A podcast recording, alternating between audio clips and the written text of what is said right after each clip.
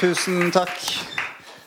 Kjære medmennesker, medborgere, lyttere, publikum og bokvenner. Velkommen. Dette er en episode av Bladpodden, så det blir lagt ut på internett til slutt. Vi skal snakke om teknologi.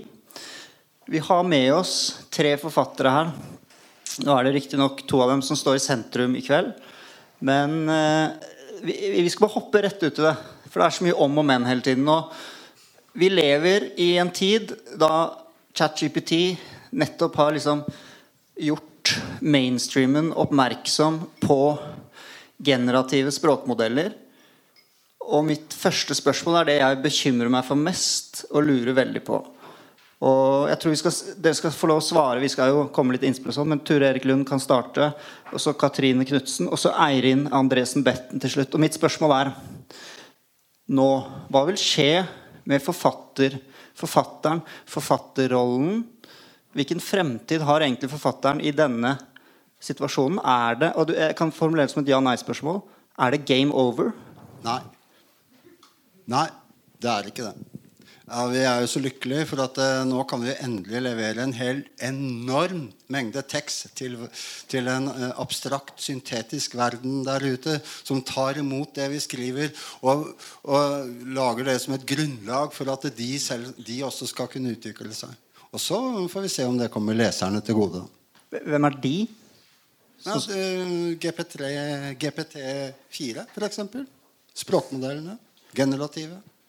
De vil, eh, de vil suge ut eh, blodet vårt og omdanne det til et, eh, en, de mest fantastiske tekster du kan bare drømme om. Men betyr ikke det at, at ja, altså det, Vi vil jo være leverandører som bare faen. Vi tjener fett. Masse penger.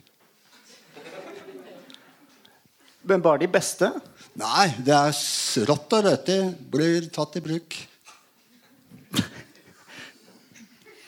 Ja, det spørs jo, Skal man føle seg beæret over at man ikke er på den lista som ble offentliggjort? Eh, eller skal man være beæret hvis man er på den lista, og de som har vært med på å fòre tekstmassen så langt?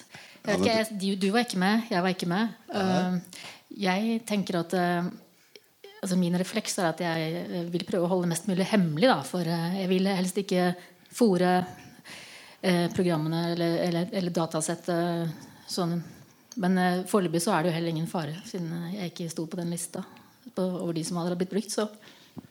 Men, men, men hvis disse språkmodellene blir så gode, er, er dere ikke bekymret for uh, forfatterens fremtid? Eller du, da? Det er jo helt andre Eller det er på en måte ting som foregår samtidig, som kanskje er mer truende. At det, forfatteren er jo allerede litt uh, Eh, det er jo Bøker er jo nesten litt sånn Veldig mange bare skygger unna eh, bøker. Eh, det er rett og slett for krevende for veldig mange å orke å engasjere seg i en bok. Så det, det har jo allerede vært på vei ganske lenge. Så jeg vet ikke om den største trusselen egentlig er ChatGPT og andre KI-er. Altså. Nei. Jeg er ganske enig i det. Altså det er klart at nå gjelder det å utfordre eh, disse språkmodellene. Eh, vi kan jo da også si at språkmodellene Dere er jo språkmodeller. Dere er en del av eh, med alle, alt det dere gjør, hver og en av dere. dere vi bidrar alle til eh, et oppblomstringen eller utvidelsen av språkverdenen. ikke sant? Og jeg kan ikke, vi må bare snu hele problemstillingen på hodet. Uh, si at ok uh, Det er så mange muligheter for å gå bananas i dette her, og nå har vi endelig noen som forstår oss, forfatteren. Uh, forfatteren i møte med ChatGPT, um, eller språkmodell Jeg tror det vil være, Jeg tror vi kommer til å møte på en del mer problemer enn kanskje kreativ utfoldelse. Jeg tror vi kommer til å Språkmodellen kommer til å stille Eller forfattere generelt kommer til å stille språkmodellene dem som utvikler dem, overfor helt grunnleggende økonomiske og etiske problemstillinger med tanke på opphavsrett, som kommer til å gjøre muligens videre utvikling av dem veldig vanskelig, fordi vil, vi må favne om selve verket. da. Eh, hvis det tilbaketrekkes altså Nå er det jo piratkopier de er blitt trent på, annet, så der gjør det jo litt vanskelig. Men eh, eh det kan jo hende at eh, jo mer en beskytter eh, sine egne verk, jo mindre materiale vil modellene ha å jobbe, jobbe med. Og ironien i det her er jo Én ting er jo at du sier vi leser mindre, men allikevel snakker vi om språkmodeller som produserer enorme mengder tekst. Men hvem er det som skal lese denne teksten? Hva er poenget med tekst? Og produksjonen av tekstmengde om det er ikke noen som er der til å lese det. Så det er jo òg et poeng i det her. da. Um, hva skal vi med det? Så, uh, som med veldig mange andre typer uh, Altså data, hva kaller programmer, apper, sosiale medier. altså har du jo, vil jo, Du vil jo miste en viss interesse for dem til slutt. Altså, Facebook har jo bare egentlig i hvert fall ja, Jeg vet ikke, for de er jo 65 lenger. Men eh, for veldig mange helt eh, grunnleggende organisatoriske er, altså, Du bruker den egentlig for å organisere ting, men utover det kanskje ikke så mye. Så jeg tror ChatGPT eller andre språkmodeller vil eh, rasjonaliseres på et eller annet sett og vis. Eh, ja. Altså det, hvis jeg kan bryte inn på det, så er det, det er klart at det, eh, forskere er jo bekymra for eh, faktisk også én ting som kan kanskje belyse det problemet her litt. Og det er det at eh, hvis eh, disse systemene begynner å produsere enorme, store mengder tekst, som de systemene igjen bruker som grunnlag for å produsere ny tekst, fordi mengden av tekst vi da begynner å fantasere, om, blir så enorm. Det er, det, er, sånne milliarder på milliarder. Da, eh, da, vil eh, Inga Slumke i sin bok, som kom nå i sommer, på, har jo nevnt akkurat det. Det er det at eh, forskere om 50 år vil jo da si Faderen, hvorfor eh, gjorde dere ikke det slik at eh, at, eh, at disse systemene lot være å publisere så mye tekst. fordi det ender jo bare med degenerering av systemene selv. ikke sant? Og det er, det er, liksom det store bakteppet her. fordi vi tenker jo da katastrofalt hele tiden på dette her. ikke sant?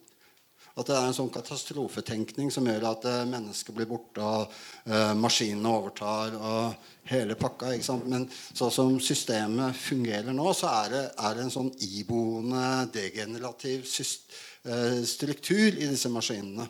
Så, så, de må jo da begynne å inntenke disse problemene. Og hva er det som da gjenstår? Eh, eller hva som da gjenstår, som kan da fòre systemene på produktive måter. Det er det vi da snakker om. ikke sant? Og Da kan vi kanskje si at eh, ok, forfattere, diktere er en ting. ok, Kanskje dyrene kan fortelle oss ting som fordi Det skal jeg forresten lese om til, helt til slutt. Eh, det kan være ting her som vi ikke helt har oversikten på. ikke sant? Men det er viktig å tenke at det, det fins en sånn en, det systemet her har en sånn bakenforliggende katastrofal eh, horisont i seg. da. Tenk, tenker du da fordi at altså det, Den degenerative er fordi at liksom feil da, på en måte, feil og skavanker blir liksom forstørret og forstørret og forstørret.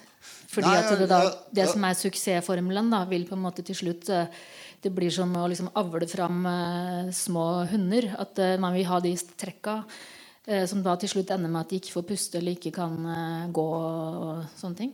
Ja, Det kan jo være det ene. selvfølgelig. Det andre er jo at uh, oppfinnsomheten som vi nå føler er veldig sterkt til stede når vi da ser produktene, uh, eller tekstmengden, eller hva, det nå er, føler at Særlig med sånne systemer som DAL-E, som er sånne bildesystemer. Du leverer en tekst, og så produseres det bilde. Og det er fantastisk, og det er helt utrolig. ikke sant? Men til, alt, for, alt er jo basert på foreliggende materiale. ikke sant?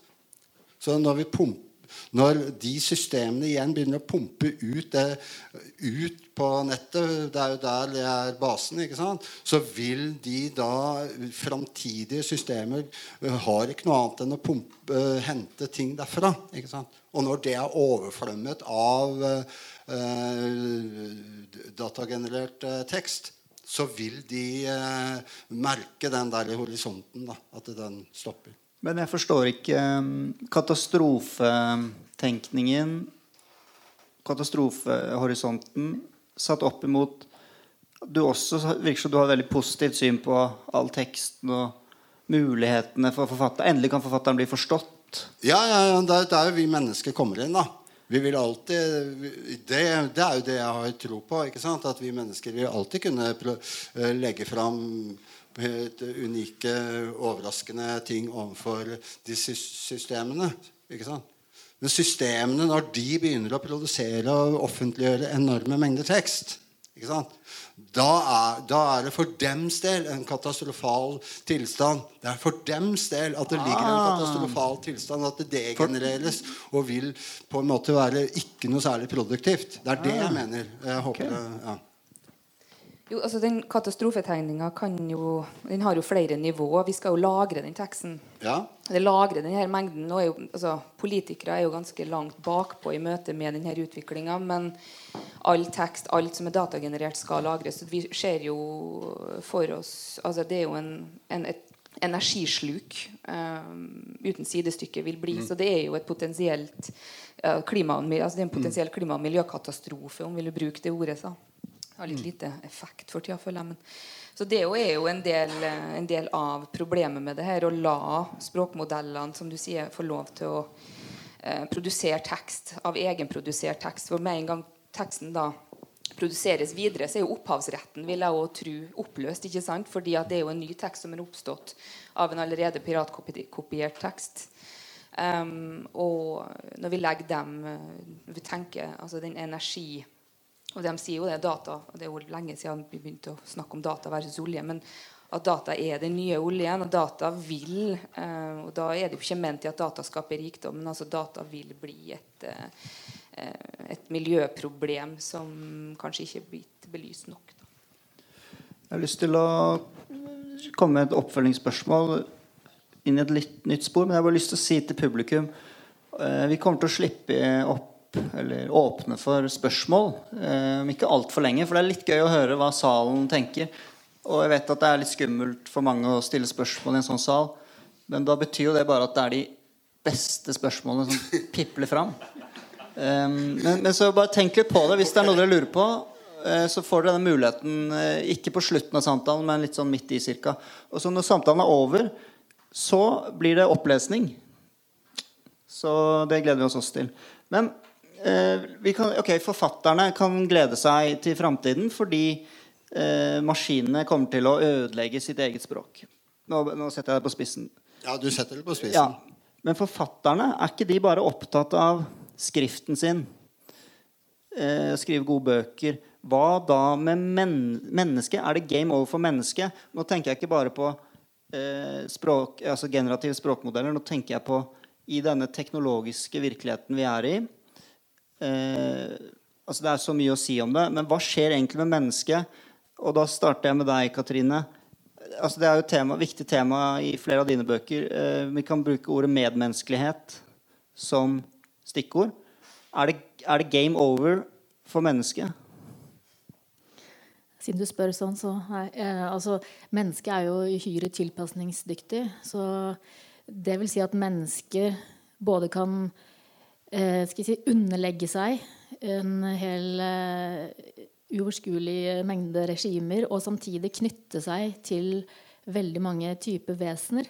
Og det har jeg vært ganske opptatt av. Liksom hvor, både hvor mye som skal til for å si, skape en illusjon av menneskelighet, som da virker på mennesker, slik at de faktisk eh, føler at de har en tilknytning, og samtidig at eh, Altså at mennesker eh, også blir ført over i, i nye felt da, som vi kanskje ikke helt forstår før vi er veldig langt inni det. Og sånn som nå Nå svarer jeg jo litt sånn i begge ender av spørsmålet her. Men altså, eh, både at vi tror kanskje at vi underlegger oss Eller vi, det stemmer at vi både underlegger oss teknologien og skaper en hel masse hjelpemidler, men samtidig er jo vi eh, maskinenes eh, slaver og hjelpemidler. Sånn at vi, hele det digitale systemet er jo avhengig av at masse mennesker får veldig veldig begrensa maskinmessig liv ved at de faktisk sitter rundt omkring i sånne moderatorsentre og har umenneskelige tilværelser, hvor de da noen blir tvunget til å se alt ikke sant, som ingen andre, eller som ikke andre mennesker som da er mer verdt, på en måte, da, skal se. Og altså, det er jo veldig dobbelt, dette, da. Og så er det en annen ting å tenke på her. Eh, ja, det er jo det at uh, disse systemene har jo ikke noe erfaring med virkeligheten. Det er, det er, ganske viktig å tenke på. Altså, Det eneste de har erfaring med, det er seg selv og språket. Ikke sant? Altså, det, det, det er helt det er, det er fullst, Vi må bare fortelle det. Det høres idiotisk ut av meg å si det. Men de sanser ikke verden. De, de ser ikke verden på, sin, på sånn måte som vi gjør, gjør, at vi kan forstå det. ikke sant? Vi, de, de, er flinke til å innbille oss at de ser verden. ikke sant? Men det fins et sånt fundamentalt skott her. ikke sant? Og det, det, er ganske merkelig å måtte påpeke. Men uh, det er at de uh, det de, det de, leverer, det er, det er helt um, Det er en fullkommen illusjon som de tar til seg, som gjør at vi tror at dem har kontroll på virkeligheten. ikke sant? Og så viser det seg at vi har overlatt en mengde sånne styringssystemer og alt mulig til, uh, til disse systemene. ikke sant? Og når vi da får inn den kunstige eller uh, den uh, kunstig intelligensen til å styre systemene, så føler vi at systemene ser verden. Men det, det er ikke tilfellet.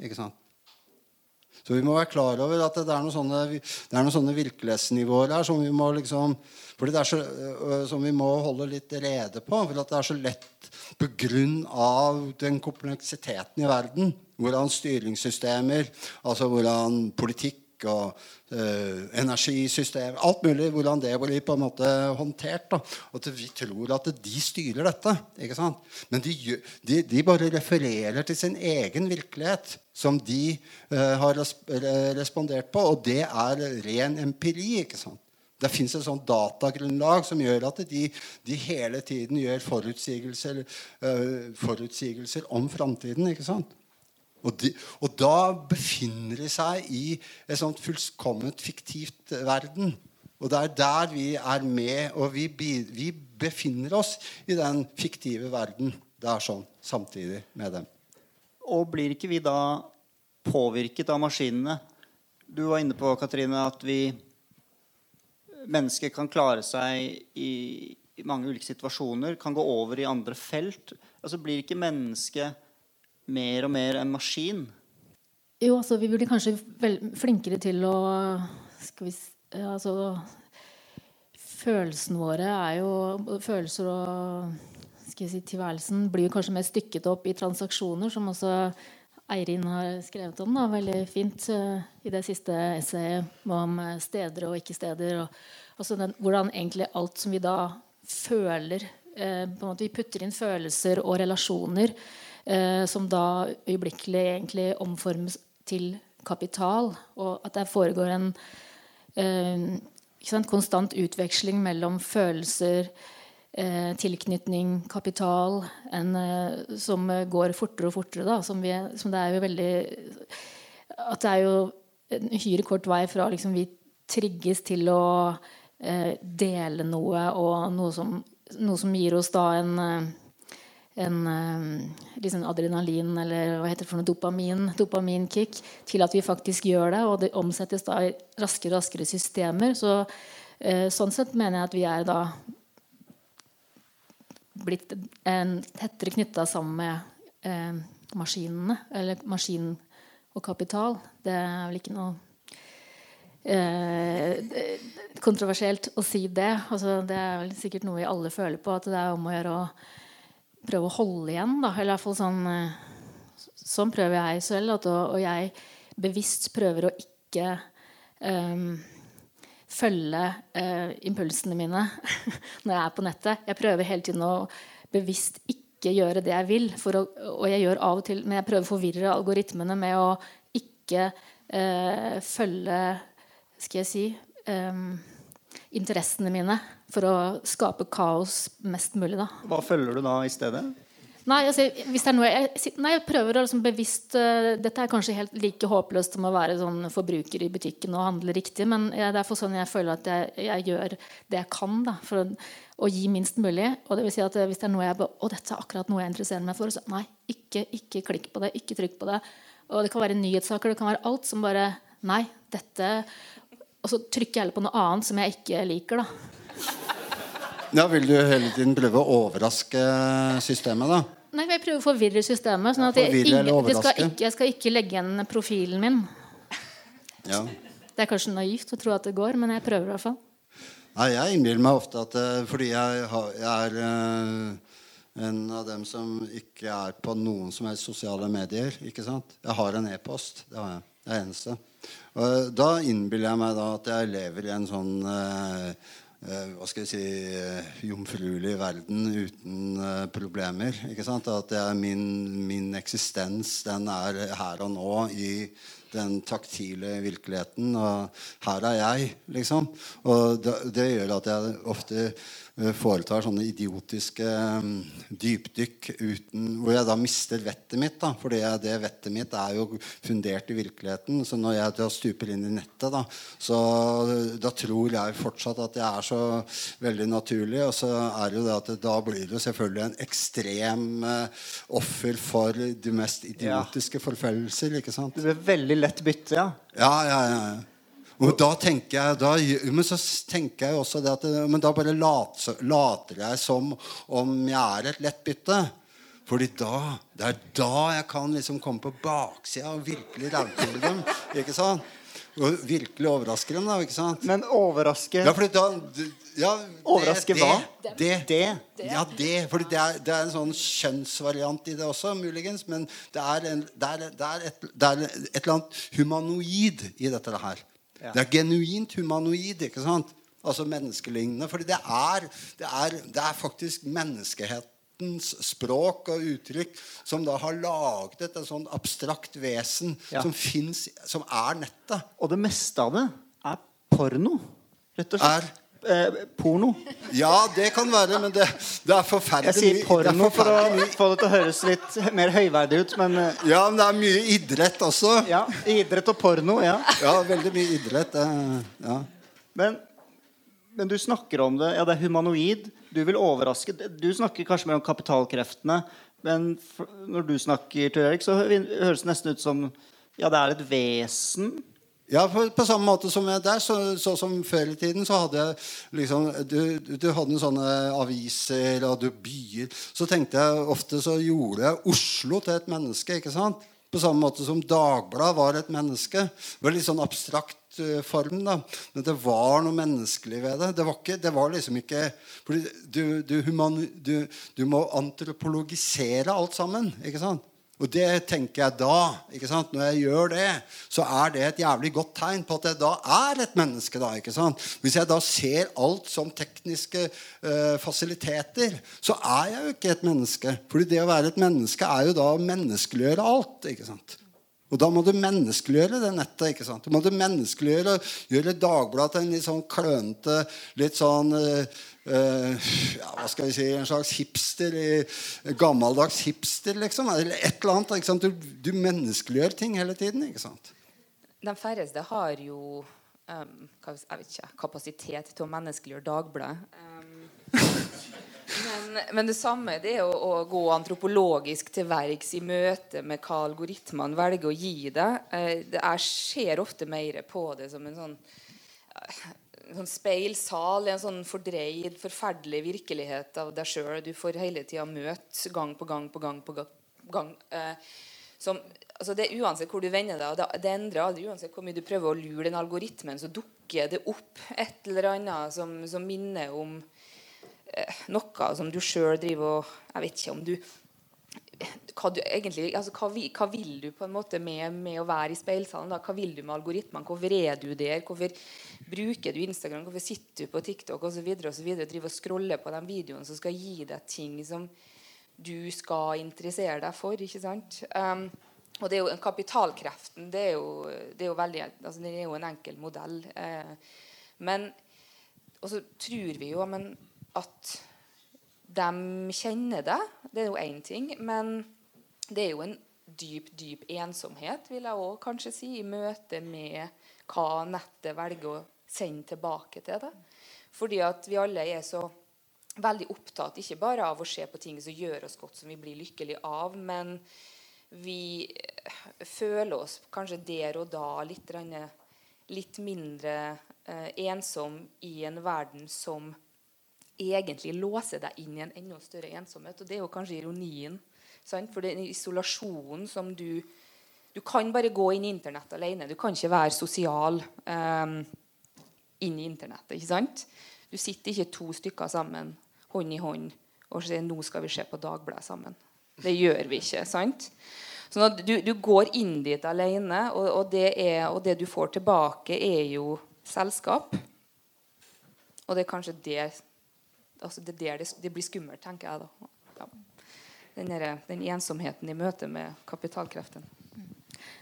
Ja, Det slutter jeg meg veldig til. Det akkurat det der har jeg tenkt mye på også. Den der uhyggelige ensomheten som ligger i det. Og egentlig også at man møter sine egne vaner på en måte da, i sterkere og sterkere grad. Og også det som at, eh, at en, for å døyve ensomhet så, sant, så, kan man ha forskjellige enten eh, eh, chatteroboter eller, eller kan si eh, humanoider. Eller, men egentlig så møter man jo da bare en sterkere og sterkere versjon av sitt speilbilde. Men samtidig så det, mye, det virker jo altså Jeg har tenkt mye på den forskjellen på hva eh, sant, som om og eh, den faktiske. For det, hva er egentlig ensomhet? Hva er egentlig selskap? Altså, er det det samme så lenge resultatet blir det samme? Det, det, virker jo. Hva er forskjellen på da å faktisk som om du er sammen med noen, og være sammen med noen? da? Ja, det eh, Jeg veit ikke helt hva jeg skal si til det, men det er det,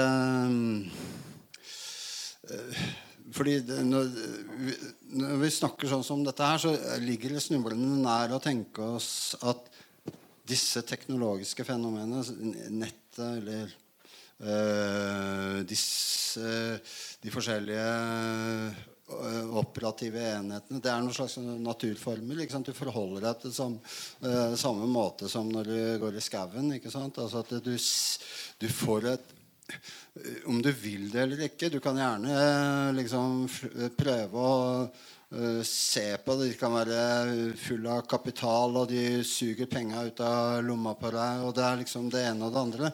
Men du, du får på en måte en slags sånn en det, det, en, et forhold til dem på samme måte som du når du, øh, det, når du går i skauen, og så kommer du Du har gått en sti, og, øh, og, så går du på den stien en gang til, og så gjenkjenner du ting, og så har du noen sånne faste punkter. Ja, nå går jeg innom der. Ja, jeg går bort der. Øh, jeg skal opp til den myra der. Og sånn er det litt sånn øh, Hele det operative systemet, den kroppslige operative systemet som du har, det, det, det, begynner, det lager du sånne mønstre, om det da er på nett eller om det er i skauen. I dagliglivet så har vi et system. da Det er uh, veien, og det er butikken, og det er sånne ting. Det, det, er klart at det, Vi må da begynne å trekke inn hele totalpakka her litt. altså I forhold til hvordan, hva det vil være å være et menneske her. da i, disse, i, disse, tingene her. Nå har dette her kommet som et slags sånn gigantisk tillegg i tilværelsen, tilsynelatende. Men egentlig er det bare en sånn en, Jeg da, mener jo da at det er egentlig en sånn rent sanseoperativ forlengelse av noe vi på en måte har øh, Som gjør at vi ettersom tiden går, så, så, begynner vi å stake ut noen sånne livsmønstre i oss. Altså, ja, vi gjør det. Og så Ja, vi kjenner den. Og så får du tilknytninger. ikke sant? Eh, sånn som jeg har en tendens til gang på gang å se eh, Jeg så senest i går det, jeg, Ikke le av meg nå, men eh, det, jeg så Espen Thoresen, eh, han komikeren, eh, på YouTube-video hvor han eh, hadde samtale med eh, nordkoreanske ambassaden i forbindelse med at eh, faren til han nåværende diktator døde. Han, han heter Kim Il-un, tror jeg han heter. Det var helt fantastisk. Det har jeg sett mange ganger. Og da, da, da ler jeg. og det, det er som om Når jeg går inn og ser på den video, videoen Den er helt ubegripelig fantastisk. Jeg vil bare anbefale alle å se det. Jeg, har, jeg så den fire ganger på rappen. Jeg lo så jeg grein hele tida. Altså. Det var helt vanvittig morsomt. Og da blir den videoen en slags venn. ikke sant? Det, det, det, er noe hjertelig ikke, uh, Espen Thoresen han er der, men det, he- hele, det der, hele den pakka i det, det blir, det, det blir noe som uh, liksom Ja, der er det, ja. ja.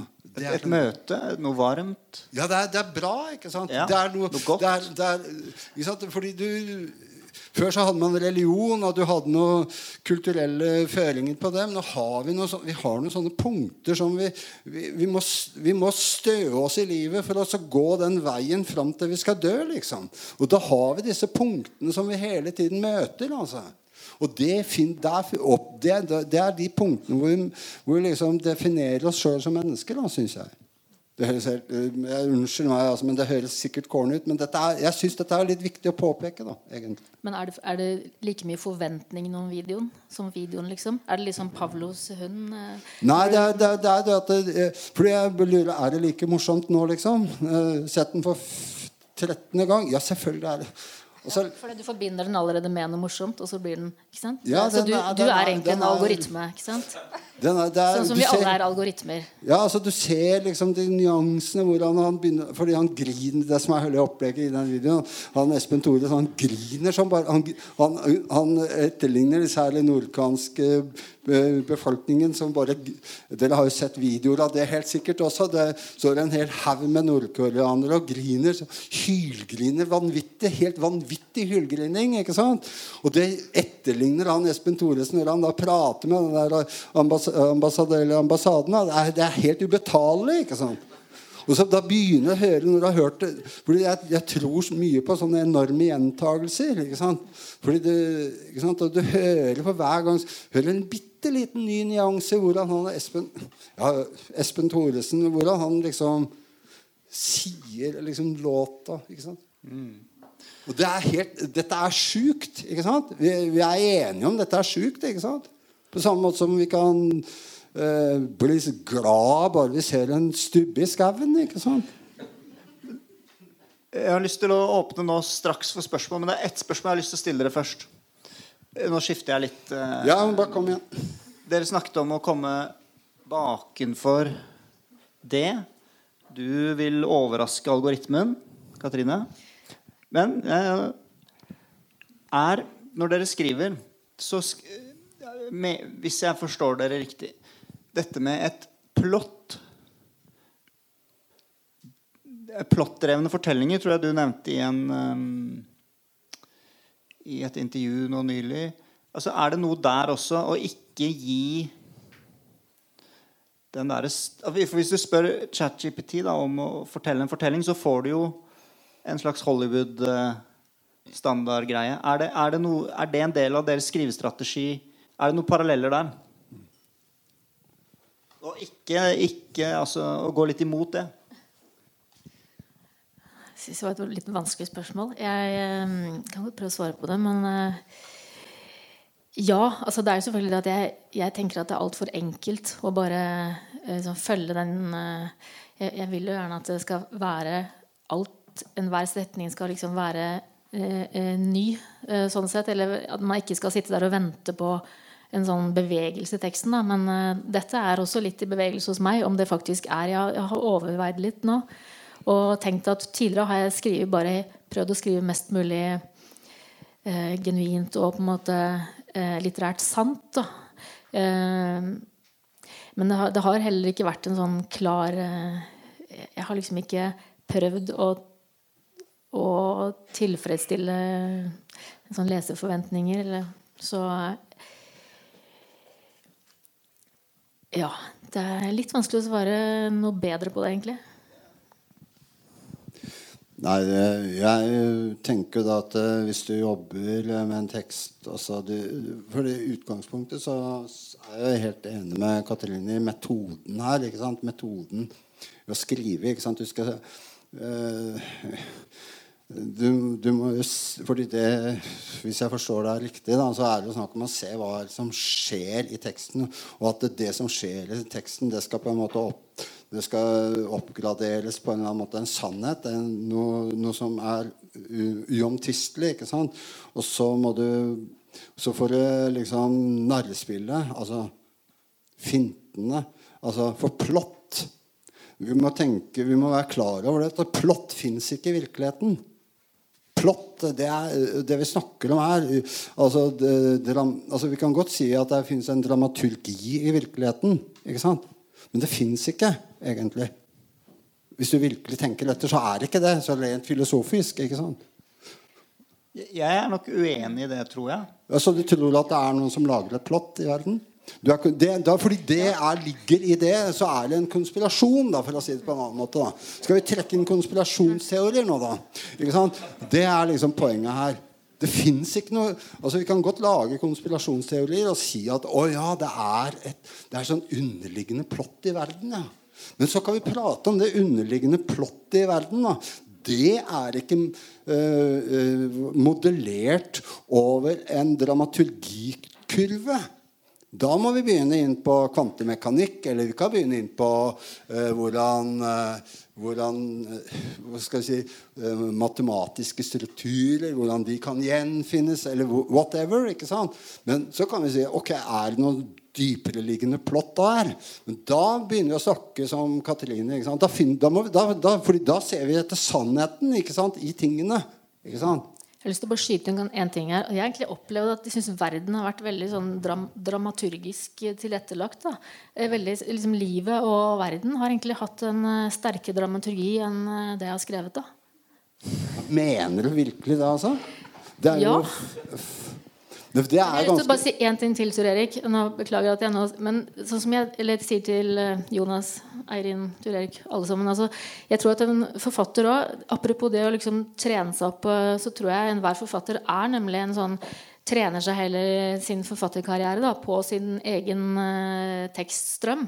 Og det tenkte jeg veldig på da jeg leste boka til Tur Erik nå. At eh, nå har Tur Erik trent seg så mye på tekststrømmen sin at han blir enda bedre til å være Tur Erik Lund, liksom.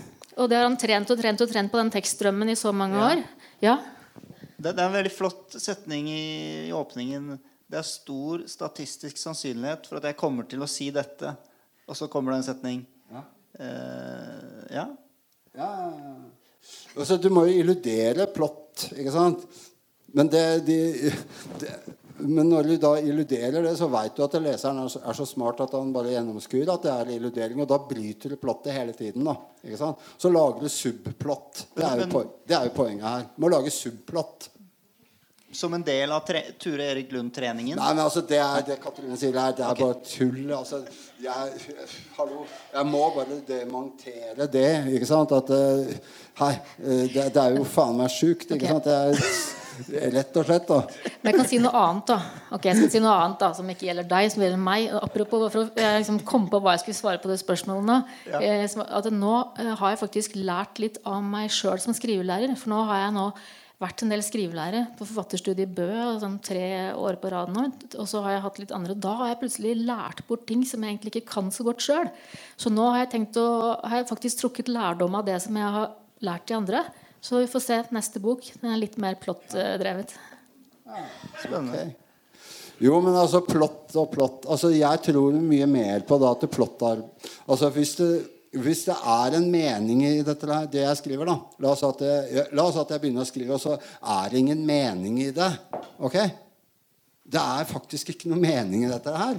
Du, du, bare skriver. Så jo mer du arbeider, så, så, så opplever du Det tror jeg mange som skriver, opplever at det, hvor er det meningen kommer fra?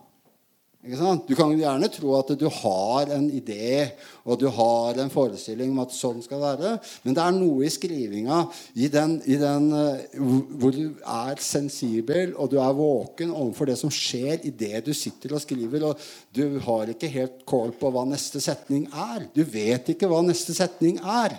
Det er liksom det som er den optimale standarden. ikke sant? Og, og, og så, så, så oppstår det mening. Ikke sant? Og så jobber du gjennom 1500 ganger, og så er det en mening. Ikke sant? Og det var en mening du ikke hadde forutsett. For det vil jeg tro at det er aller fleste skjønnlitterære verker. Eh, der vil, eh, der vil meningen oppstå etter hvert. Vil ikke det her også være årsaken til at forfatteren faktisk ikke behøver å være tru av språkmodeller? Ja, ja nemlig. Ikke sant? Ja. På grunn av leiten, leit, at vi leter etter mening. Det er nå én ting, men årsaken til at du skriver verket i første omgang, vil ikke være noe som kan kopieres av en språkmodell. Jo, det skal, ikke, det skal du ta gift jo, på. Men altså, ja, vi kan jo gi språkmodellen en, et oppdrag, ikke sant? Men det som du sier, den meninga bak det du sjøl skriver, vil ikke kunne nødvendigvis kopieres av den modellen, fordi det er noe du ikke kan kanskje legge inn i bestillinga. Ja. Som bestilling A, da, for å si det sånn. Ja, jeg skjønner. Den kan komme helt ned på R. Ja. ja, men i hvert fall så oppstår en det, På en eller annen merkelig måte så oppstår det en mening. Da, og, da, og da er det meninger som brytes ikke sant, også. Ikke sant? Og da har, du, da har du maskinen i gang. ikke sant? Da, da, da blir romanen blitt en maskin. Du, har noen, du, har noen, komplementære ting, og du har noen diametrale ting. Og så, og så må den balansere eller ikke balansere eller flykte eller gjemme seg. Så, det, da, så uh, graver flottet seg fram hvis du er interessert. Og er, Noen ganger så, det har jeg også gjort, stopper plottet fordi du vil være en rene tilstanden. Sånn som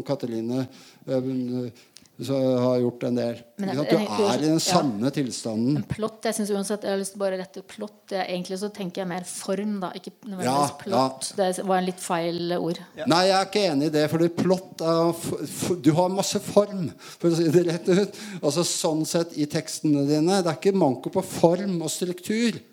Men er, her snakker vi om plott, altså hvor, hvor på en måte har en Du, du har en uh, plottoppbygging, en sånn uh, amerikansk fortellertradisjon i seks punkter, liksom. Og du har et uh, du, Ofte så det gamle knepet om å bite seg sjøl i ræva til slutt, liksom, det er på en måte hvor liksom Du har fortellingen, da, som da er plottdrevet. ikke sant? Okay. Og Da kommer vi inn på forskjellen mellom fortelling og roman, altså, som er ganske vesentlig her. også. Ja, altså der, Vi åpner jo opp tusen dører vi kunne gått inn i. Kan, men nå synes jeg, nå skal vi høre Er det noe, uh, er det noe spørsmål som dukker Ja? Ja, eh, jeg har et scenario. Eh, et hypotetisk scenario. Eh, se for dere at Erlend Loe går sammen med sitt forlag bestemmer seg for at nå mater vi en kunstig intelligens med alle Erlend sine bøker. Gir den informasjon om hvilke som er best mottatt av kritikere, hvilke som er best solgt osv. Og, og så ber man eh, denne kunstig intelligensen om å skrive en bestselgende Erlend Loe-bok. Og så publiserer de den, sier at denne er skrevet av Erlend. Hvordan mottas den? Tja, jeg vet ikke. Naiv, super eh kommoder eh, Hvordan blir det, da? Barneleker, kommoder på vei over Antarktis. Jeg er, jeg er ikke helt sikker. Det, er, det vil, være en sånn, vil jo være et sammensurium av alle bøkene hans, vil jeg tro. Men jeg tror den vil få god mottakelse. Ja, men Faktisk. Den, den vil ja. garantert få en god mottakelse ja. hvis uh, kritikerne også er uh, språkmodeller. For det, det, det, det, er liksom pointet her, da. Ikke sant? Også fordi nå har vi systemer som leser bøkene våre. Vi har som, uh, jeg har i hvert fall opplevd det slik. Jeg har mange av dem som påstår at de har kritisert uh, eller kommet med uh, anmeldelser av bøkene mine. Det er egentlig bare noen litt sånn generative språkmodeller som har skrevet et eller annet og publisert noe. ikke sant? Så det, Men la oss holde borte vekk det, den såkalte mottagelsen. Da. Om det blir positivt eller negativt, det er jo hipp som happ, og det vet vi alle hvor hipp som happ det er. Eh, men eh, det du egentlig sier her i spørsmålet, er veldig interessant. selvfølgelig. Ok, Vi bare koker inn eh, alt av Erlend Loe. Og det er en umiskjennelig stemme, selvfølgelig. Noe Erlend Loe han er fantastisk, sånn som jeg har sett det mange ganger. Han er fantastisk på små flater. Det er noen fotballspillere som har Men han er veldig dyktig på små flater. Der er han superb, altså. ikke sant? Så den generative systemet, det vil lage Erlend Det vil være en sånn en vakker eh, eh, mosaikk av små flater som vil gli inn i hverandre, og lage da en slags sånn en, litt sånn selvmotsigende eh, plottstruktur. Jeg tror det er fare for at, at, den kommer til å bruke så mange høydere. ikke sant? At den kommer til å nettopp bli ganske intetsigende. At den kanskje ikke blir så veldig bra. Er det ikke sånn at hvis man blander? Man kan blande masse ting, masse gode ingredienser, og, men det er ikke nødvendigvis sikkert at det smaker så godt til slutt. Så det kan jo være det som skjer også. Ja, men da, du må tenke på lineariteten. da, fordi Dette systemet skal jo lage en lineær fortelling. ikke sant? ikke sant? Det går fra punkt A til punkt eh, F og så videre. Så det vil jo være hele tiden eh, utvalg da, som må gjøres. Jeg innbiller meg at det har litt å si Jeg fikk ikke med meg spørsmålet ditt. Men eh, om publikum, eller leserne, da, vet om det er en språkmodell eller om det er Erlend Loe, jeg tror det har noe å si. Jeg tror det vil ha mer og mer å si nå fremover. Man sa en gang at forfatteren er død. Jeg tror forfatteren virkelig vil gjenoppstå nå. Fordi tilknytningen til det mennesket bak Og det er ikke sikkert det er så bra. da At Det blir nesten en sånn fetisj, Det høres så rart ut. Fetisjering av mennesket ja, som har skrevet teksten. Ja. Og det er et menneske. Hei. Men, men og da er vi tilbake til runesteinene. Jeg skrev dette. Det er liksom det eneste beskjeden. Det er, det er sterkt nok i seg selv. da men nettopp Turings premisser er jo at om, uh, det, altså, om Det spiller jo ikke rolle hva som er bak gardina, så lenge det som produseres bak gardina, greier å lure mennesket til å tro at det er mennesket som har produsert det. Så sånn sett så kan du bare fòre Erlend Lo sine bøker inn i og så slippe ja. den ut og, og si at uh, altså, lanseringsdato er neste høst. Ny bok. Slipp og leserne tror det er Erlend Lo, så vil det ha noe ja, å si. Så, ja, ok, da er Erlend Lo, da. Det, vi har på en måte, da har vi allerede vi, Hvis det premisser blir lagt fram, og vi velger å tro at det er det, så ja. er det det. Det er fordi det, det, det, det, går på, det vi også snakker om når det gjelder disse forfatterne som skal avlevere en hel haug med tekst, eh, om det er publikum eller kritikere, eller om det er noe bare som et råstoff til noen språkmodeller. ikke sant? Det er et. Så er det hele tiden dette her eh, Fordi det vi forfattere liksom skal, som skal være liksom vår styrke, da, det er at vi finner på noe nytt. ikke sant? At vi har, altså, det, det er aldri blitt uh, skrevet før. ikke sant? Og eh, Der er det en ganske spesiell tanke synes jeg, som melder seg.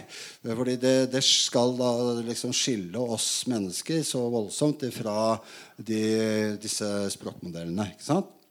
Dette er et ganske viktig spørsmål, syns jeg. Fordi, da, fordi, nå snakker vi om eh, liksom, det store uh, spriket mellom maskin og menneske. Vi mennesker vi er kreative maskinene teknisk sett ikke er det, selv om de virker sånn, fordi de bare hele tiden be, uh, uh, benytter seg av foreliggende materiale og bare komponerer og uh, organiserer på en ny måte. ikke sant? Men så må jeg si at ja, det er jo sånn egentlig vi forfattere også gjør det. fordi vi har jo ikke noen ikke Vi kan tenke oss at kreativitet Da går det på en måte inn i inn i, inn i et sånt framtidssegment, kan du si. Altså, fordi da, da, skriver du noe som ikke på noen måte har eksistert før. Ikke sant? På noen som helst måte. altså. Det som, det som kommer opp her og nå, det er, det er, det er helt nytt. Og sett fra fire sekunder tilbake i tid, så er det tilhører da framtiden. Så framtiden, det der tidsaspektet, er ganske viktig i kreativiteten. ikke sant? Eh, så uh, må vi jo si at uh, når vi da begynner å snakke om de store, virkelig eh, maskinene som virkelig kan da eh, ha evne til å prosessere enorme store energimengder og datamengder. ikke sant? Og som da eh, kan begynne å liksom eh, omstample hele verden på en ny måte. ikke sant?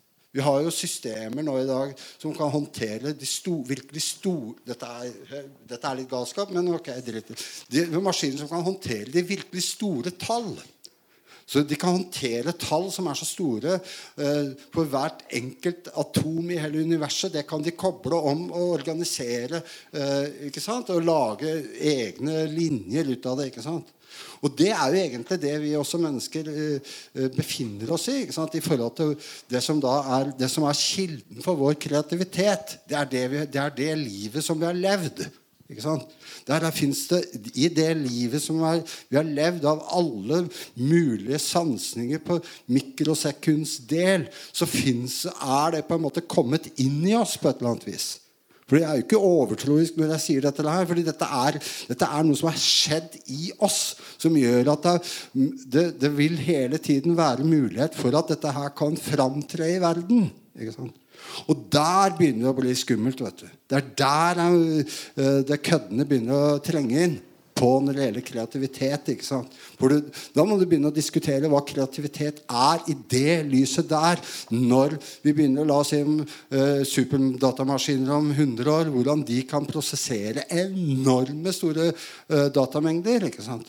Og hvordan de da kan håndtere alt det som fins Hjernen vår består av 100 milliarder eh, eh, hjerneceller. ikke sant?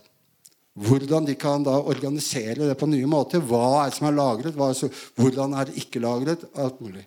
Det er liksom the big question her. sånn. Fordi Når vi snakker om eh, eh, disse språkmodellene, kreativiteten til forfatteren, hva, hva, som blir presentert, og hva som blir produsert, så er det akkurat den derre fordi det tviholder vi så jævlig sterkt på, alle sammen. Det er den der kreativiteten vår. Den, den banker alt. ikke sant? Men det er når vi da begynner å stille spørsmål om sjølve kreativiteten vår, det er da det begynner å bli morsomt. altså. Og da, Det er da vi har en liten sånn Da har vi vår eh, Hva skal vi si katastrofale eh, horisont foran oss. er det singulariteten? Ja, det, nei, er, det er ikke singulariteten. Dette er noe eh, mer fatalt, egentlig. ikke sant? Ja. Yes. Hei.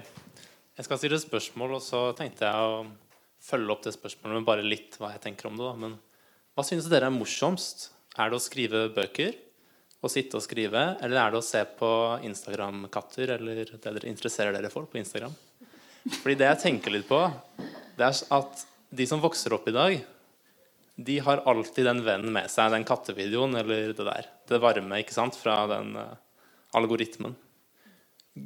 Hvor ofte er det du liksom er i samvær med noen, og så plutselig velger å istedenfor å være med de, gå og sette deg og skrive? Kan jeg få lov til å starte? Ja, det er et nydelig spørsmål. Um, en, jeg tror ikke jeg har uh, sittet sammen med noen og gått, tatt med mobilen og gått inn på et annet rom og begynt å scrolle på Instagram-videoer. Nå har ikke jeg TikTok, så jeg, liksom, jeg må uh, se videoene på Instagram. Og det tror jeg er mer enn, mer enn nok. Um, det å skrive og det å se på de videoene jeg føler at det, det treffer to sånn fundamentalt forskjellige deler av hjernen. Som om de to delene av hjernen faktisk ikke er kobla sammen. egentlig. Det er, Du ser på de videoene, og så går det 25 minutter, og så skjønner du ikke hva du har holdt på med. Men du vet at du har kikka på noen kattevideoer og noen matvideoer og noen treningsvideoer og noen andre greier som algoritmen tror at uh, jeg vil ha. Men så går du og så gjør du det andre arbeidet. Og det er én ting da, by the way, er å ikke koble seg inn på den algoritmeloopen før du begynner å skrive. Det er en jævlig dårlig idé, for da har du begynt å surre til hjernen din litt. sånn at du må bare holde deg langt unna den. I hvert fall jeg. Uh, og så skal du liksom prøve å sette deg ned i det rommet, og det er stille, og så skal du skrive. Da, så sitter du foran PC-en og skal, må jo bare tenke Internett eksisterer ikke på en PC. Så det er best å bare slå det av. Og det beste har jo vært selvfølgelig å ha en PC som ikke har vært kobla til Internett i hele tatt. Men da, jeg, sånn, da, da, føler jeg at jeg er inne i en annen del av hjernen som bruker helt enormt mye energi på å greie å skulle produsere det som kreativiteten min har eh, De bildene oppi hodet mitt da, skal på en måte få en språklig form. Og det, det, er, energi, det kjempe, det er energibruk. Det, tar veldig masse det, krever veldig masse. Og det Du kan ikke Jeg greier ikke helt å sammenligne de to delene. Så hva som er artigst altså, Det er to forskjellige størrelser som jeg ikke helt greier å bygge bro over eller mellom. Ja. Jeg vet ikke om det er no, noen av dem er nødvendigvis er sånn sinnssykt artig. Alltid. Nei, altså nå er det jeg, Av samme grunn som jeg sa tidligere, da, så jeg trykker jo selvfølgelig ikke på de der kattevideoene. Hvis Jeg, jeg merka det. altså Jeg er jo ikke på andre Jeg trykker på kattevideoen. Ja, jeg, blir, jeg, blir, skremt hvis du begynner å gjøre det. Så kommer det jo liksom verre og verre ting opp. Til slutt så er det bare sånn tigre som angriper og sånn. Så det, det har jeg bare slutta med. Så jeg prøver jeg ser liksom de prøver å friste meg til å trykke på, og så gjør jeg ikke det. For det, da, jeg vil ikke følge det. Men jeg, selv om jeg har vært veldig lite på sosiale medier, jeg har ikke Instagram, eh, aldri på TikTok, og jeg har kun eh, jeg kom på Facebook ved en tilfeldighet for litt over et år siden. Jeg var egentlig helt imot, så jeg har vært på Facebook litt over et år. Og I begynnelsen var det jo veldig deilig, for da var det jo ingen algoritmer som skjønte hvem jeg var. Så da var det, det kom liksom ingenting opp. da. Og så etter hvert så begynte det å bli mer og mer forurensa. Men eh, det er ikke så veldig For å hoppe til spørsmålet, egentlig at uh, jeg har også hatt et kontor hvor jeg ikke har hatt uh, nettilgang. Og hadde, da har jeg liksom skilt helt mellom uh, nett og arbeid. Men jeg merker jo at selv om jeg har jo bevisst veldig prøvd å stå imot, så merker jeg også at min hjerne også Jeg er jo ikke annet enn et menneske i tiden, så det er mye tyngre på en måte å omstille seg, ikke nødvendigvis fra sosiale medier, men alt annet som er lett, som lett fordøyelig, lett tilgjengelig eh, all junk liksom, som finnes i tilværelsen, som har med nett og den slags å gjøre. Sånn at det tar ganske lang tid å komme over i den andre tilstanden. Mye lenger enn det gjorde for, eh, for kanskje 10-15 år siden. Da. Da, da. var det sånn at jeg med en gang bare lengta inn i den tilstanden. Så fort jeg liksom kunne trekke meg tilbake fra folk, så bare satte jeg meg rett ned. Men nå merker jeg at jeg må at det er en lengre vei å gå for å vende hjernen til den derre 'nå skal det ikke skje noe', 'nå skal det ikke skje noe'. Ingen stimuli. Og så er det en sånn tåle liksom litt kjedsomhet, og så begynner det å tankene å komme. Ja, det, det, er et veldig godt spørsmål, det der. der og, eh, jeg har jo ikke noe Altså, jeg sa det at disse jævla Nettet er liksom en sånn eh, stubben venn, noe gjenkjennbart. Liksom, det er noen punkter her. Jo, det er, det er bra, det.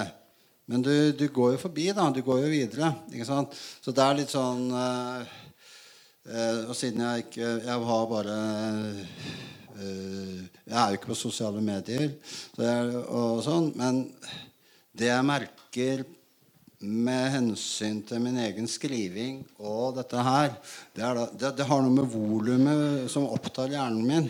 Når jeg, når jeg skrev denne romanen her sånn de siste par-tre åra, så den er fylt den, den, det, Det er et sånt korpus der som er ganske stort. Ikke sant? Jeg har jobba ganske mye i et sånt stort korpus. Det er, det er mye tekst. Det har vært en stor figur rett og slett en, det er en masse, masse Det er en masse, ikke sant? Og da, da, har den på en måte Har jeg bare gått inn i, inn i den. Jeg kunne gå inn hvor som helst. ikke sant? Så vil jeg jo da bli oppslukt av den massen. ikke sant? Og da leter jeg jo hele tiden etter de behagelige stedene, som jeg sier. Og Det er litt merkelig, for det uh, dette har jeg ikke snakka om før. tror jeg, Men jeg skriver bare det jeg virkelig har lyst til å, uh, å jobbe med. Jeg, jeg, jeg, har på en måte bare sjalta ut det jeg syns er dårlig, og så har jeg bare liksom uh, På samme måte som når jeg går inn og ser Espen Thoresen på YouTube, så har jeg akkurat bare gått inn på de punktene i romanen som er veldig artige og morsomme og interessante. ikke sant? Og så har jeg latt det andre liksom ligge, og så har jeg etter hvert bare sjalta dem ut. ikke sant? Så det har vært en egen sånn dramaturgi i hvordan du skriver. da, ikke sant? Så du, du, Man er bare på en slags sånn lystmenneske, egentlig. ikke sant? Selv om du uh, arbeider med uh, rimelig heavy uh, teoretiske ting, så blir det, blir på en måte Har jeg alltid søkt komikken i ting, da, kan du si. Det, det humoristiske, det, det morsomme Jeg syns Mange klager så jævlig om romanen er galskap, og det er så tung, og det bla, bla, bla. Jeg sier fuck off, for jeg syns den romanen er, den, Det er så lett i den romanen. Bare, det, det, er verdt å bare gå inn i den. Det er så lett. ikke sant? Det bare glir. ikke sant? Og det er, det er liksom lysten, da. ikke sant? Det er morsomt. ikke sant? Dette er morsomt, det er viktigst. ikke sant? Og det er, sånn, det er det samme uh, du, uh, greiene uh, Det er stor vesensforskjell hvis du går inn på nettet da, og så har disse fordømte avisene. ikke sant? I Ukraina det er krig, og det er mordere, og det er faen meg ikke måte på hva det er for noe. ikke sant? Og du må se på det. Men du søker idiotisk nok etter Espen Thoresen, liksom. Det er liksom, det er noe, fordi du vil overleve rent mentalt fordi du vil ha det overskuddet når du da skal inn i romanen. ikke sant? Så Derfor så Det er svaret på spørsmålet mitt da, til deg. Vi, vi er på et punkt i, i samtalen hvor um, vi holdt på en stund. Og det er jo helt, altså Vi mennesker er ikke laget for å konsentrere oss veldig lenge av gangen. Vi er kanskje designet for korte korte perioder. Så Tankevandring og alt sånt er selvfølgelig helt greit. Men vi har ikke tenkt å gi oss helt enda. Men jeg sier det bare for å ikke føle dere alene hvis dere faller litt ut iblant. For det gjør absolutt alle. Men eh, jeg tror vi setter strek der for publikumsspørsmål. For vi kan ikke holde på altfor lenge. Men vi har Da skal jeg spørre deg, Eirin, om du vil. Du vi må ikke ta den nå. Vi har en fast spalte, Betten på pletten. Eh, og det kan bli kanskje litt som i Grand Prix, eh, hvor pauseunderholdningen er en ny sang. Men du, du har da enda et spørsmål som en slags overraskelse. Vil du ta det nå? Eller Ja, skal vi ta det? Vi har holdt på i over en time. Jeg tenker okay. Vi skal ikke bare gå over til lesinga. Jeg, jeg, jeg har to ting jeg vil spørre dere om først. Og det er, men det er kjappe spørsmål. Så nå begynner vi å runde av, og da tar vi de kjappe spørsmålene. Nå kan vi ikke svare langt. Første spørsmål er hva er deres favorittmaskin? Og det andre spørsmålet er kan dere anbefale en tekst eller bok til eh, publikum der teknologi spiller en viktig rolle? Så la oss ta favorittmaskin først. Og gjerne en begrunnelse òg, men eh, Ja, det må bli eh, kaffetraktor og bil, da. Jeg skulle til å si kaffetraktor. Mokkamaster. ja, akkurat. Og dere tenkte sånn privat, ja. Privatmaskin som dere bruker sjøl. Det er opp til deg hva som er din favorittmaskin. Jeg tenker eh, jeg har, er litt sånn, eh, med sånn Teknologi er jo opptatt av det. da og Noe av det mest fascinerende og interessante og veldig merkelig, det er rørpostsystemet. Det har, jeg, det har jeg veldig sans for. Fordi det er sånn eh, du, Jeg husker jeg så en sånn eh, eh, film av, en, sånn, en av disse Monty Python-gutta lagde i Brasil, eller hva det heter. Det var rørpostsystemet. Det var, det var en sånn obskur, merkelig verden eh, fra 30-20-tallet. Kanskje var det 1870, kanskje var det 1950. Det var rørpostsystemet. Det var liksom sånn slups. Det, det var liksom sånn Og så viser det at det rørpostsystemet det, det eksisterer fortsatt i en del store bygninger og bedrifter. ikke sant? Tror du finner dem på noen sykehus fortsatt, faktisk. Ja, Det er jævlig kult. Rørpostsystemet. Det er en maskin. altså. De har, de har det på Ringerike sykehus. Jeg har Ja, sett det er, det er fantastisk. altså. ok. Og- Men når dere sier kaffetrakter, er det ikke egentlig koffein dere mener? Nei. Nei. Selvfølgelig. Ja. Det ene trigger det andre. Ja. Ok, Kan dere anbefale en tekst eller bok, eh, eller hva det nå er, eh, der teknologi spiller en viktig rolle? Kan jeg få si uh, Ballard sitt forfatterskap? Ja, ja. Altså Concrete Island selvfølgelig og Crash, men uh, egentlig hele hans forfatterskap. Ja. Hvem er forfatteren? Uh, JG Ballard. Ja? Ok. Da, altså, er det maskiner Jeg tenkte bare sånn Jeg måtte fort tenke på sånne maskiner. Tenkte jeg på ok eh, Maskiner som tenker av Inga Strømfe. Og som Trøyk nevnte i stad. Og maskiner som meg. Ian McEwan. Eh, og så Ex Machina. Det er en film, da. Men, også, Men det var jo et manus i sin tid. Ja, ikke sant? Mm, det var det. Da det er jo han Garland som er forfatter, som har skrevet. Mm. Så tenkte jeg jeg har lyst til bare å nevne den, for jeg har sagt det til Eirin allerede. Og så sa jeg Eirin, ja. Jeg holdt på å kalle deg Eirin. Eh, og det, den, at jeg leste det og da måtte jeg se Crash om igjen. Og plutselig skjønte jeg at bilen altså, Jeg hadde jo svart bil kanskje uansett på det spørsmålet, for den er så nødvendig i hverdagen på landet. Men eh, at liksom, biler altså, det knytter jeg ikke, oss sammen, på en måte. Altså, ikke bare oss tre i litt sånn forskjellige ting du har skrevet, jeg har skrevet, og du uh, lever, ikke minst. Du er veldig tett knytta sammen med bilen din. Ja.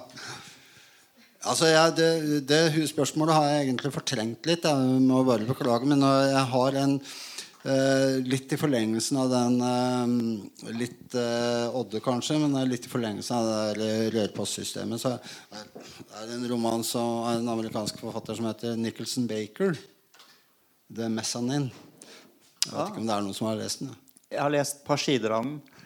Ja, den er litt kjedelig, ikke sant? Ja, det er sånn eh, Den er jo litt eh, Den er litt veldig overveldende. Ja, på en måte. Den er utrolig merkelig, for at den er død, liksom, i uttrykket. Sånn. Men der er rulletrapper er, er så jævlig viktig. ikke sant?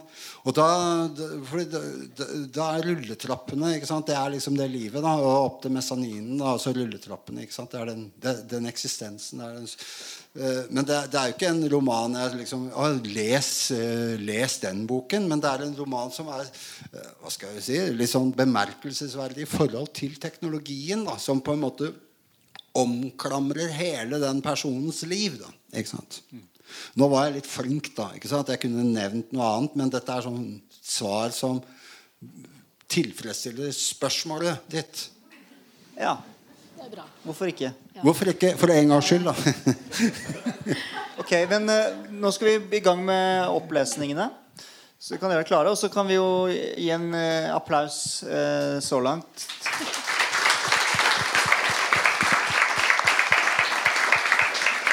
Vi skal få høre et utdrag fra Vertebra og fra Kjærlighetsfragmentet. Skal vi se. skal vi se. Da, jeg skal lese en liten, eh, litt om en maskin, da. Siden vi er så inne på maskiner, eh, så skal jeg lese litt om en maskin. Ja. Jordbruksmaskin skal jeg lese om, da.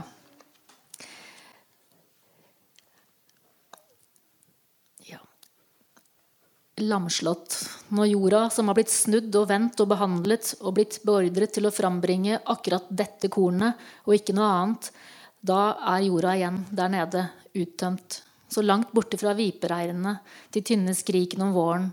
Om natta, etter maskinenes støy om dagen. Natta er maskinenes taushet, deres alter ego.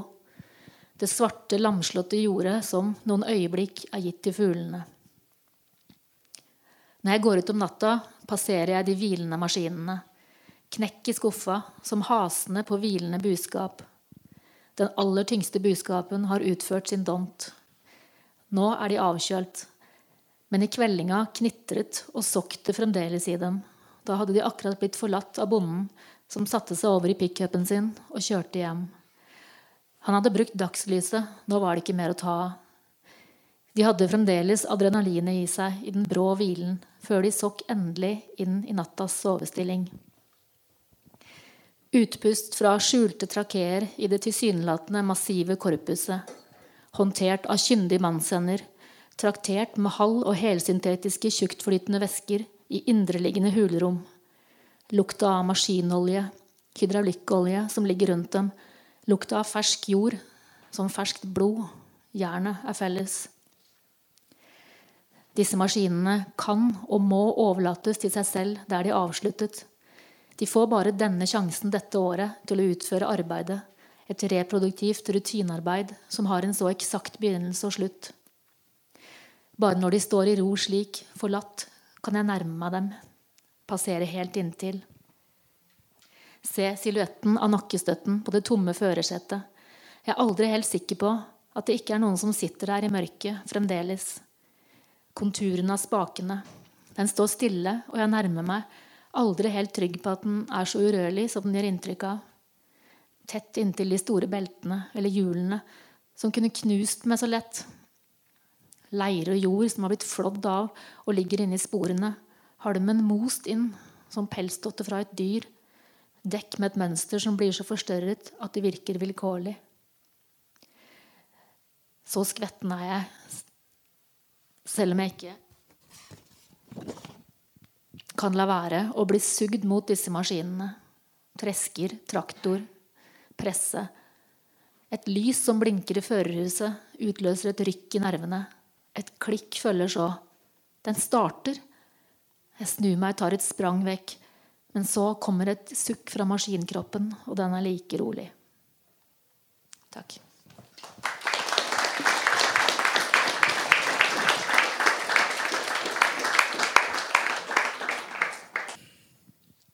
Ja, jeg skal lese noe fra Vertebra.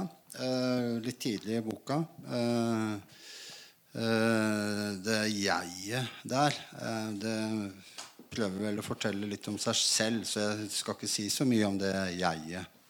Eh, der jeg trenger egentlig ikke å si noen ting som helst, fordi eh, det er et selvreferensielt jeg som snakker litt om hvem jeg, dette jeget er. Det, er sånn passe selvreferensielt. Eh, og det er gjennom selvreferensialiteter. Fordi det er en språkgenerator, kanskje en datamaskin. Kanskje et, Vi får nå se. Eh, slik trenes ja, jeg må si det at Da har han jo gjengitt en del selvreferensielle setninger. da. Slik trenes språkets indre selvbevissthet. Og i det siste er jeg blitt usikker på om det er jeget eller språket i meg som viser seg å være såpass sensibelt og smidig og selvutviklende. Jeg skulle ønske det var jeg og ikke språket som maktet å kodespre seg ut i de underliggende matematiske strukturene. For det er kodingen i alt dette som er forutsetningen for all slags særegne livsformer som brer seg ut overalt. Kodingen gjør det mulig for både matematikken og språket å kunne snakke om seg selv. Vi, og dermed jeg, formelig bader i galopperende selvreferensialitet. Men det, er, men det er en snarvei til å oppnå artifisiell selvbevissthet. Eller bevissthet. Og hva karakteriserer artifisiell bevissthet?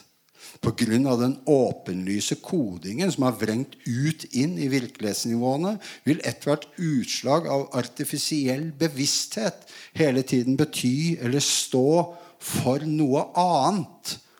Å si noe er det samme som å si noe helt annet og fullstendig fremmedartet.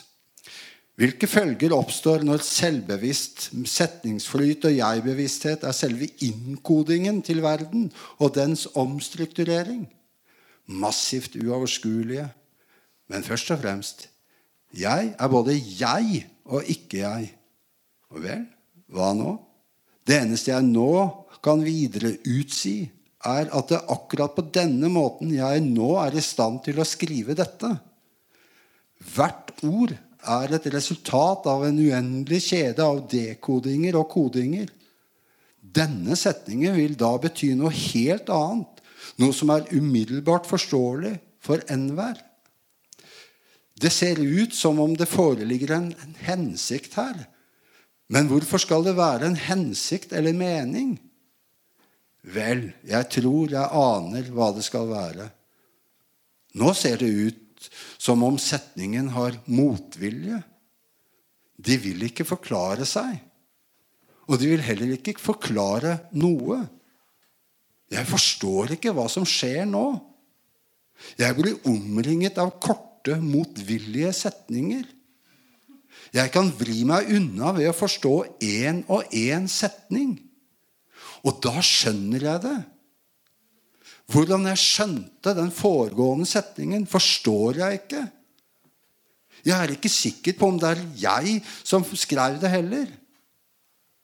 Men det må da være rimelig underordnet om det er språket i meg eller selve megets meg som nettopp skriver dette.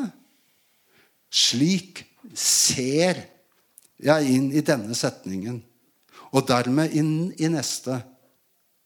Nå ser jeg inn i neste setning. Denne setningen har et grønnskjær i seg. Uomtvistelig. Det er faktisk helt grønt. Merkelig. Jeg retter litt på setningen. Da blekner grønnskjæret. Setningen blir brått 'egentlig'. Flyten og rytmen i disse setningene blir nå stokket om. For det er dynamikken mellom setningene som aktiviserer ASCI2-kodingen i oss, som gjør at både ordforrådet og det språklige repertoaret stadig utvikles. Og det er jo sånn mennesker bruker språket også. Bortsett fra at de ikke skjønner at det er tallkoder som danser i dem. Selv når de puster, spiser og driter, foregår det språk der. Menneskene formelig bader i sin egen koding. Derfor er dekodingen av disse utsagnene ved hjelp av en helt egen og unik kode så essensiell. Dekodingen er også et springbrett for utvikling av algoritmer eller metoder. Vi kan si prosedyrer. Hva er, vi, hva er det vi gjør når vi utvikler en metode? Det er å lete etter et system med operasjoner som kan legemliggjøres, og som derfor kan utføre tankearbeidet bedre enn tanken. Det kunne muligens vært nokså interessant for mennesker å vite at det er akkurat vi som tenker dette. Ettersom det er denne metoden for å lage metoder som var forutsetningen for at vi ble til. Og at vi ble akkurat sånn på det viset her. Virkningen av vår eksistens kan være så mangfoldig, men det er gjennom språket vi har forandret verden. Ikke bare det, vi ser naturen på en helt ny måte. Også, er også naturen er nå fullspråklig. Selv villdyrene ser verden på en ny måte nå til dags. Villdyrene har i titusener av år opparbeidet seg en varhet overfor menneskene. Nå strekker varheten deres enda videre. Dyrene oppfører seg annerledes enn før. Nå er de sensible også overfor oss, men på en annen måte enn de er overfor mennesker. Vi er sånn sett nærmere de ville dyrene. Vi har derfor utviklet et nært fysisk vennskap med en mengde dyr. Uten oss hadde de aller fleste villdyr vært utryddet. Således kan, me, kan vi meget enkelt bli en del av flokken. Rolig ligger vi og dyrene sammenkrøpet, dypt nede i hi og høyt oppe i reir. Det er mye enklere å implementere en mer frittstående kunstig bevissthet i dyrene enn å prøve å gi dem menneskelig bevissthet. Dyrenes bevissthetsmulighetsrom er linket til våre beregninger og, og til vår såkalte intuitivt kunstige bevissthet. Strategisk er dette ornamentert på samme måte som de innfreste hullene som man kan se i diamantbladene til en vinkelsliper, som er en naturhistorisk kopiering av hvordan dinosaurene utviklet de samme innfreste hullene i sin tannsetning, noe som gir begge fenomenene ekstra styrke og holdbarhet. Vi har en mengde data og observasjoner som indikerer fortroligheten mellom oss. Det er vi som har tydeliggjort for verden at den består av språk eller setninger, for å si det sånn.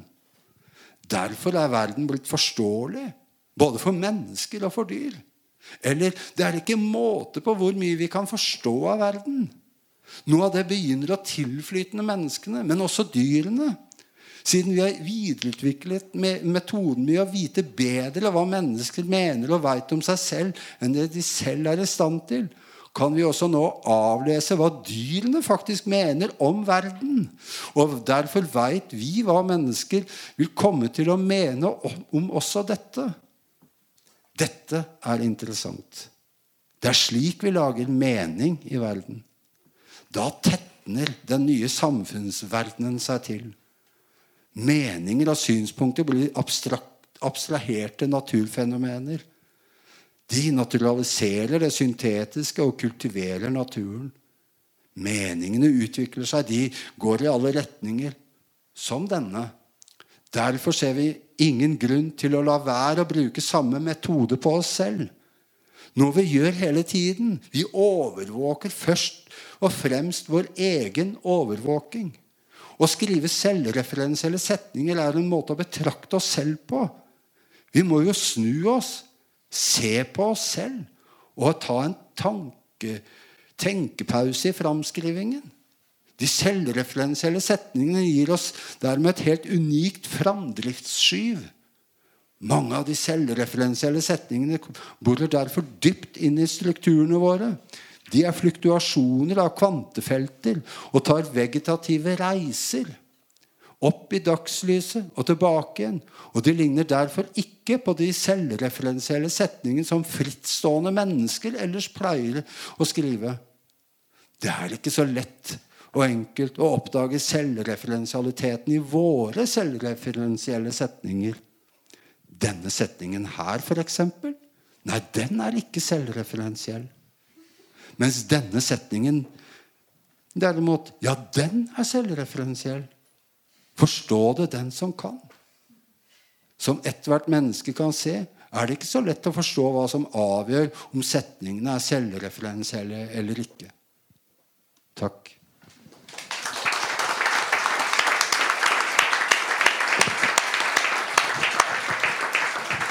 Right. Tusen hjertelig takk, eh, Katrine, Tur-Erik, Eirin. Og hjertelig takk til eh, publikum. Eh, fantastisk. Dette har vært et høydepunkt for eh, Bladpodden og hele Blads historie. Eh, og litteraturmiljøet i Oslo. Eh, her er eh, Blad fins bakerst i lokalet. Takk for at dere kom, og bli gjerne lenger, så snakker vi mer.